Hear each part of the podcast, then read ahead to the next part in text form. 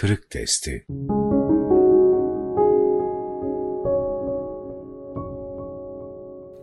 Sarp Yokuşlar ve Rıza Ufku Dünya darül imtihandır, yani imtihan diyarıdır. Bu yüzden insan yaşadığı sürece her an imtihanda olduğunu asla hatırdan çıkarmamalıdır. Hayat baştan sona imtihanlarla doludur ve herkesin imtihanı da farklı farklıdır. Diğer yandan dünya darül hizmettir, yani çalışma, çabalama yeridir. Darül ücret, yani mükafat ve ücret yeri değildir. Hz. Bediüzzaman'ın ifadesiyle, bu dünya darül hizmettir, ücret almak yeri değildir.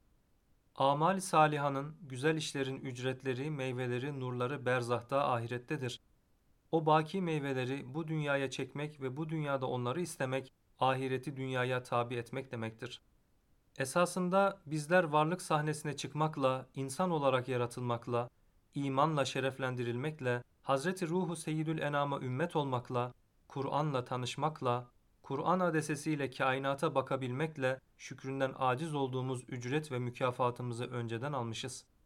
Cenab-ı Hak verdiği bunca paha biçilmez nimetlerin üstüne vazife ve sorumluluklarını yerine getirmek suretiyle dünya imtihanını kazanan kullarını akla hayale gelmedik güzelliklerle donatılmış sonsuz cennet nimetleriyle müjdelemiştir. İmtihan, hizmet ve beklentisizlik. Bu noktada şu hususlar Kur'an hizmetinde olanlar için çok önem arz etmektedir. İmtihan gerçeğinin farkında olma ve imtihanı başarıyla geçmeye çalışma, Allah'ın emirlerini yerine getirmek için hizmet ve gayret etme, bunlar mukabilinde dünyevi bir ücret ve mükafat beklentisine girmeme, beklenmediği halde ikram ilahi olarak gelen nimetlerdense meşru dairede Rabbimizin belirlediği çerçevede istifade etme. İşte kulluk, imtihan, hizmet ve beklentisizlik. Kulluğu özetleyen üç kelime.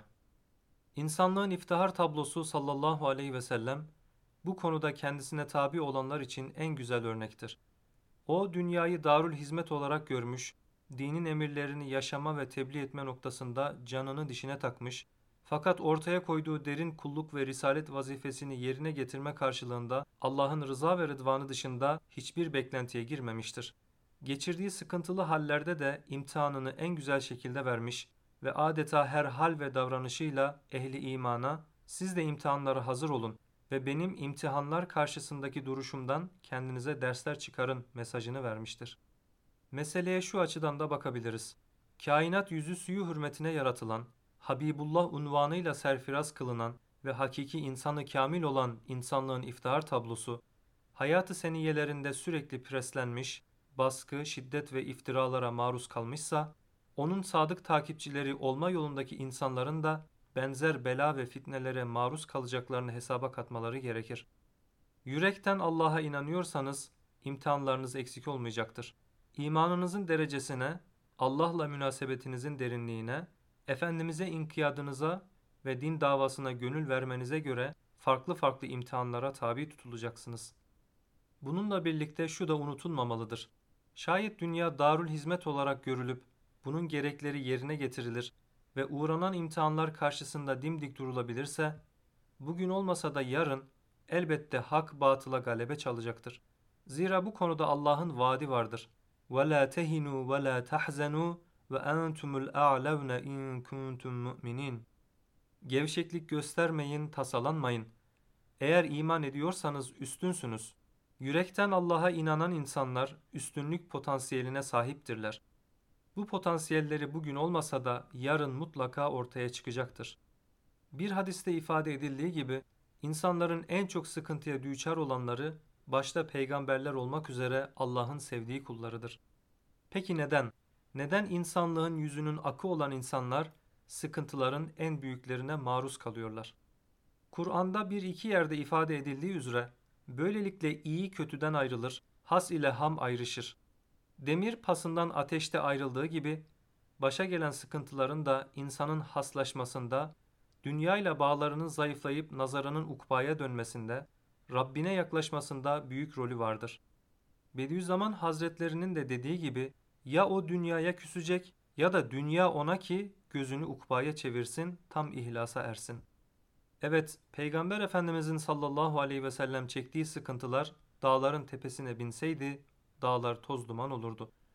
Zira o belanın her çeşidine maruz kalmış, en ağır hakaretlere muhatap olmuş, alaya alınmış, boykota uğramış, tehdit edilmiş, türlü türlü zulümler görmüş, göçe zorlanmış, hakkında suikastlar planlanmış, malına mülküne el konulmuş, Bedirler, Uhudlar, Hendekler yaşamıştı. İlahi hakikatlere sırt çevirmiş, dünya hırsından gözü dönmüş zalimler, onu ve inananları yok etme adına her yola başvurmuşlardı. Fakat o bunlar karşısında hiç sarsılmadı, pes etmedi, ümitsizlik yaşamadı, yol yön değiştirmedi. Duruşuyla, sabrıyla, metanetiyle bela ve musibetler karşısında nasıl durulması gerektiğini bizlere de öğretti. Belalar karşısında mümince duruş. Peygamber yolunun yolcularına düşen vazife de maruz kaldıkları sıkıntılar karşısında kıble değiştirmemek, duruşlarını bozmamaktır. İmtihanlar ne kadar ağır olursa olsun kaderi tenkit etmemeli, Allah'ı insanlara şikayet ediyor gibi tavırlara girmemeli. Allah'ın hakkımızda takdir buyurduğu kaza ve kadere karşı razı olmama şeklinde mukabelede bulunmamalı. Bunları konuşma bir yana, böyle şeyler rüyamıza bile misafir olmamalı. İnsanız, yaşadığımız zorluklar karşısında sarsılabiliriz. Muhatap olduğumuz hakaretleri, yalan ve iftiraları hazmetmekte zorlanabiliriz. Fakat bunları da imtihanın bir parçası olarak görür ve bunlar oluyor diye asla Allah'a isyan sayılabilecek hal ve hareketlere girmeyiz. Oğlunun vefatı karşısında gözyaşı döken insanlığın iftar tablosu ne demişti? Kalp hüzünlenir, göz yaşarır ama dilimizden Rabbimizin razı olmayacağı hiçbir şey dökülmez. Kur'an ve lekad na'lemu enneke yadhiqu sadruke bima yekulun. İzzet ve celalime kasem ederim ki onların söyledikleri sözlerden ötürü sinenin daraldığını çok iyi biliyoruz. İfadeleriyle Allah Resulü'nün yaşadığı zorluklardan ötürü üzüntü ve tasasına işaret ettikten sonra ona şöyle emreder. Fesebbih bihamdi rabbike ve kum mines sacidin ve'budu rabbeke hatta ye'tiyekel yakin. Ama sen Rabbini hamd ile tenzih et ve secde edenlerden ol. Sana ölüm gelip çatıncaya kadar da Rabbine ibadet et.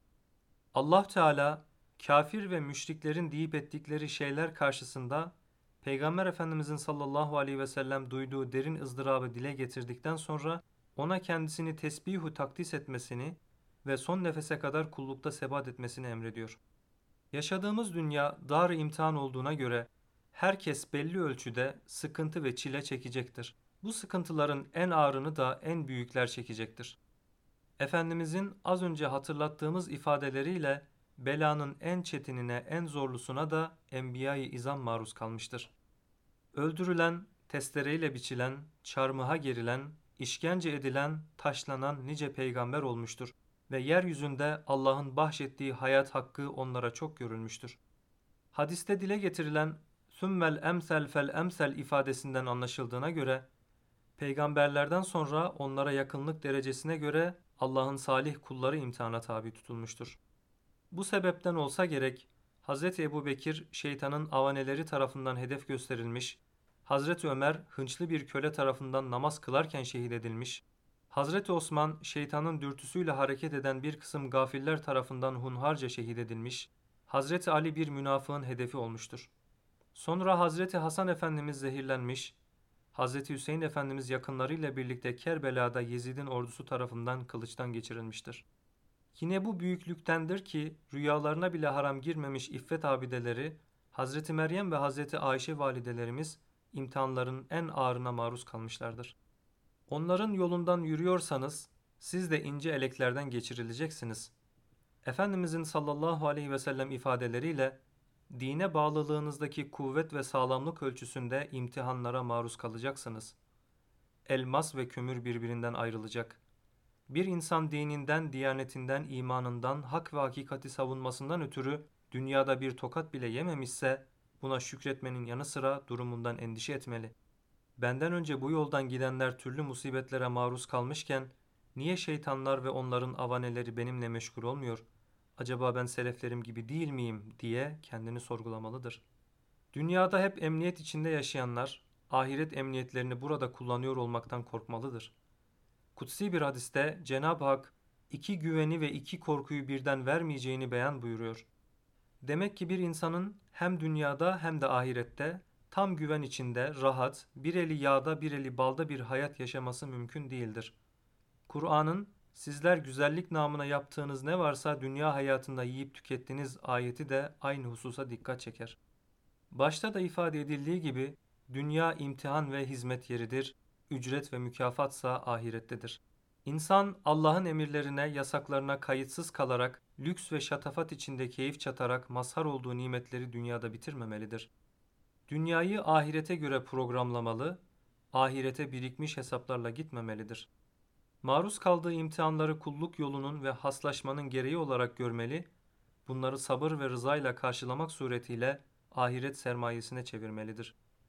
Hem hiçbir inanmış gönül iftiraya maruz kaldığı, zulme uğradığı için kimseye darılmamalı, gönül koyduğu davaya sırt çevirmemeli, kazanma kuşağında kayıplar yaşamamalıdır.